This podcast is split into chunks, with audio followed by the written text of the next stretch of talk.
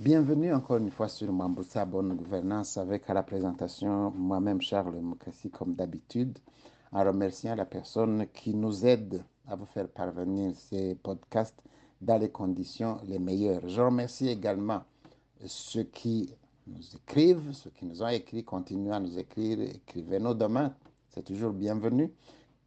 Partagez euh, nos podcasts et rappelez à vos amis, connaissances que euh, l'abonnement est gratuit. Vous créez un compte sur Spotify et, vous prenez un, vous, vous allez sur ma bonne gouvernance et vous cliquez sur je m'abonne, tout simplement. C'est gratuit.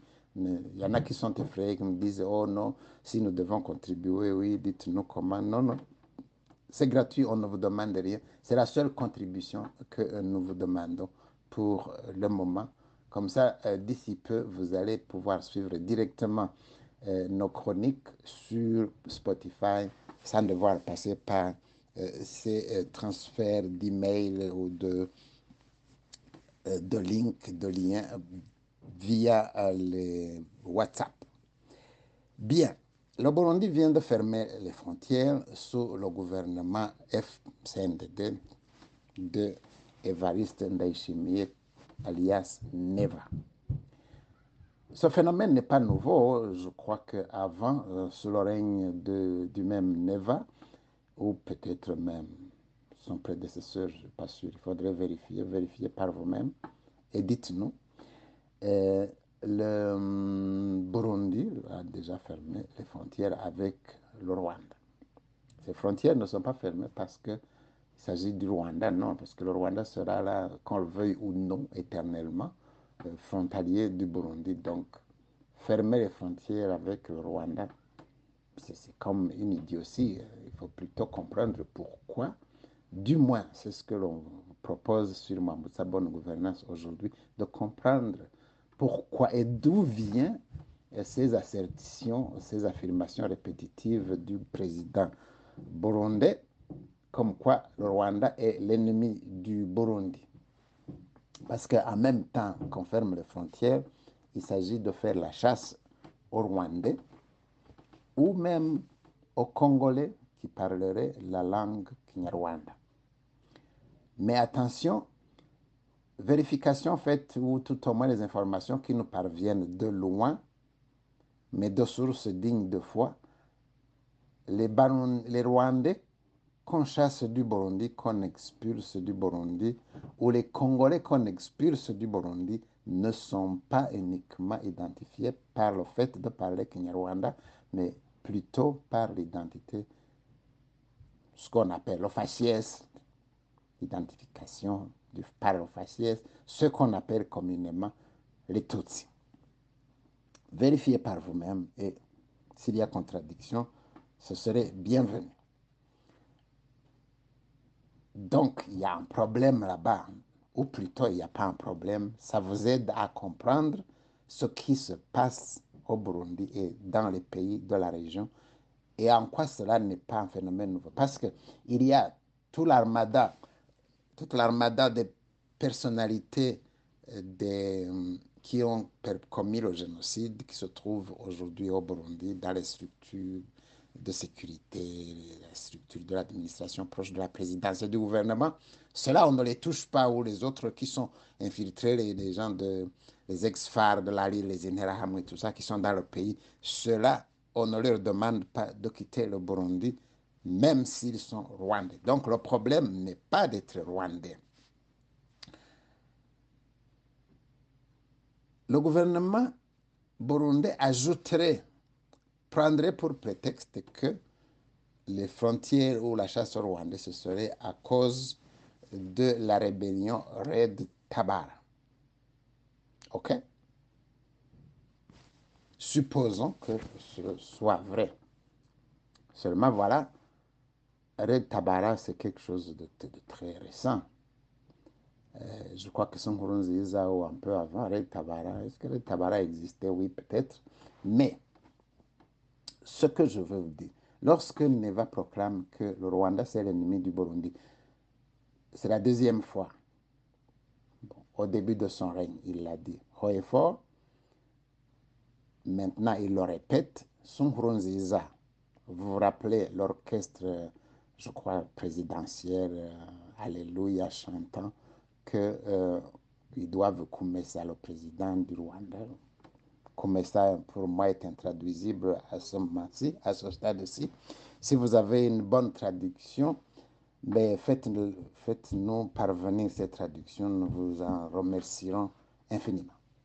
Donc ça veut dire que le problème est beaucoup plus ancien et beaucoup plus profond que ne veulent dire les défenseurs, les ennemis de la paix, que sont notamment les, promoteurs de cet accord de non-paix qui s'appelle Arusha, c'est-à-dire l'accord de non-droit, l'accord qui déteste le droit, qui déteste la morale universelle, qui est contre l'unité nationale des Barundi et donc aussi l'unité des peuples de la région et l'unité des peuples du monde.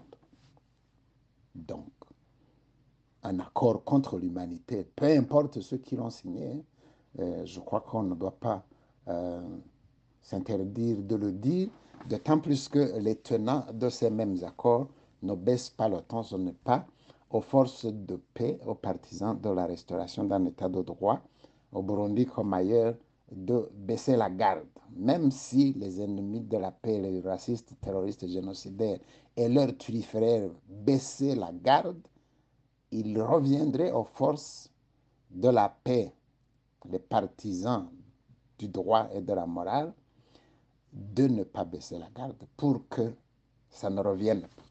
Je veux aller plus loin maintenant pour vous dire combien ah, et pourquoi d'abord euh, le gouvernement FDD, euh, Force de défense nationale du Burundi, vous ajoutez, ça reste FDD. Pourquoi il proclame, pourquoi le Rwanda est considéré comme un ennemi Rappelez-vous, dans le vieux temps déjà, dans les années 71-12, il y avait une grande polémique, une guerre des ondes entre le Rwanda et le Burundi, mais bien avant le coup d'État raciste euh, génocidaire de 1965 ou la tentative, la première tentative d'extermination des Batutsi au Burundi en 1965,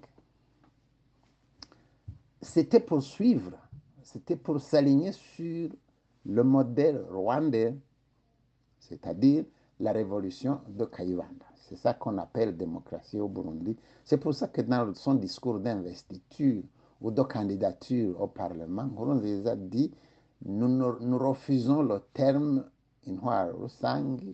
nous préférons dire démocratie. Démocratie n'étant pas un terme dit. Pourquoi est-ce qu'il parle de démocratie? Parce que c'est ça que l'on a depuis le Parmehutu de Kaivanda. Kaivanda étant lui qui a apporté la démocratie au Rwanda. Que veut dire la démocratie C'est nos pays sans les Batutsi. Je caricature, mais c'est de cela qu'il s'agit. Les naïfs ne veulent pas le croire, les naïfs ne veulent pas qu'on en parle, mais ça, c'est une politique de l'autruche. Sa bonne gouvernance s'interdit d'aller sur ce terrain. Donc, le modèle rwandais est là depuis les années 59. Et rappelez-vous, le promoteur du modèle rwandais, Jean-Paul écrit a écrit deux grands livres, l'un sur le Rwanda, l'autre sur le Burundi. L'un sur le Rwanda, le titre de ce livre sur le Rwanda, c'est Souvenir d'un compagnon de la démocratie Rwanda. Et celui sur le Burundi, c'est Souvenir d'un combattant d'une guerre perdue. Au Rwanda, donc, le racisme génocidaire a gagné, a été institutionnalisé. Au Burundi, c'est souvenir d'un combattant d'une guerre perdue. Donc au Burundi, ils ont perdu. Ils n'ont pas digéré. Et comme par hasard, en 1993, le Front debout commet le génocide impunément et exporte son expertise au Rwanda parce que rappelez-vous, le colonel Ndengenga affirme que ce qui s'était passé au Burundi, c'était une répétition générale de ce qui devait se passer après, plus tard, six mois, au Rwanda et au Burundi. Donc, les mêmes choses devant se passer des deux côtés de la Kanyaru, donc le génocide et l'extermination totale des Batutsi.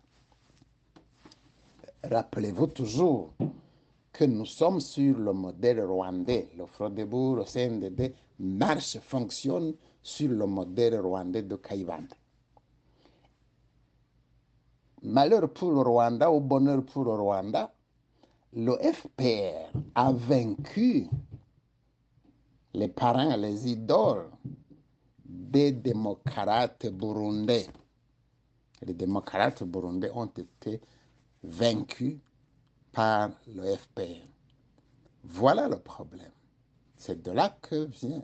C'est pour ça que les, les, les, le Frodebourg, Ntibantunganya écrivant dans son rapport de sécurité à Nyerere, supposé médiateur, il dit qu'ils ont créé le CNDD, le Frodebourg et les autres forces euh, racistes et génocidaires. Lui ne le dit pas comme ça. Les forces démocrates ont créé le CNDD pour lutter notamment contre les suppôts des, euh, je sais pas, Tutsis, quelque chose comme ça, Rwandais. Donc, si vous avez vaincu le régime héritier de la démocratie de Kayibanda, vous ne pouvez qu'être ennemi des titulaires ou des héritiers de cette démocratie de l'autre côté de la Kanyaro, de ce côté-ci, c'est-à-dire du, du, côté du Burundi.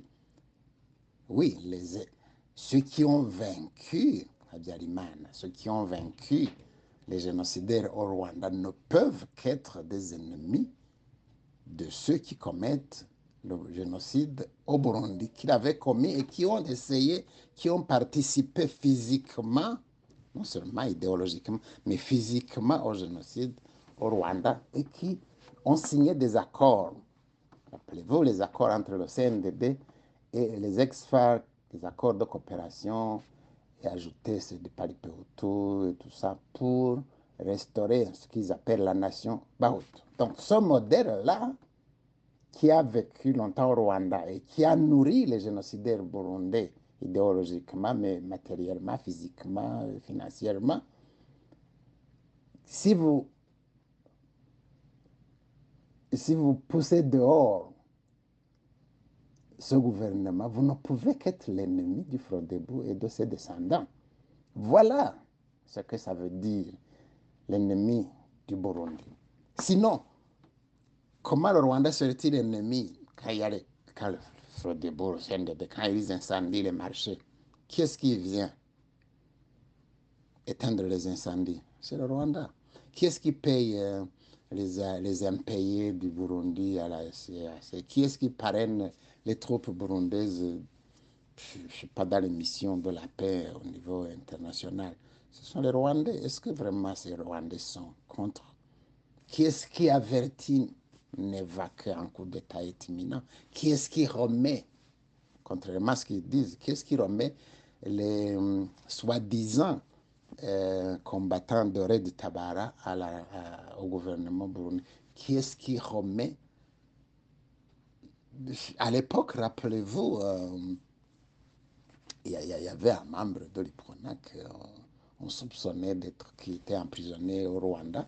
Il a été remis officiellement au gouvernement burundais. Donc, tout ça pour dire quoi? Non, non, ne vous y méprenez pas. On n'est pas le Rwanda n'est pas le Rwanda n'est pas physiquement ennemi, mais le, Rwanda, le gouvernement rwandais aujourd'hui représente ce que le Frodebo et le CNDD et toutes les autres organisations de même idéologie détestent dans la région, c'est-à-dire ceux qui sont capables de combattre et de vaincre politiquement, militairement, diplomatiquement, médiatiquement les organisations génocidaires dans la région. C'est un mauvais modèle. Voilà ce qu'on appelle ennemi. Parce qu'au Burundi, on vient de passer 30 ans, Frodebo et ses alliés ses descendants, détruisant systématiquement les obstacles contre le génocide, que soit l'armée, les, les, les, obstacles militaires, les obstacles judiciaires, les obstacles politiques, alors qu'au Rwanda, ces obstacles contre le génocide sont consolidés.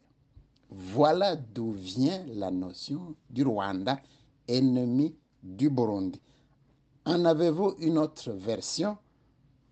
Faites-nous parvenir vos commentaires, faites-nous parvenir vos, observations. Mais Mamboussa Bonne Gouvernance avait l'obligation aujourd'hui de vous faire cet éclairage pour que nul ne s'y trompe ou nul ne continue d'ignorer la réalité qui nous fait face.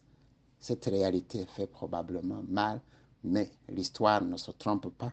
Bonjour chez vous, à la prochaine.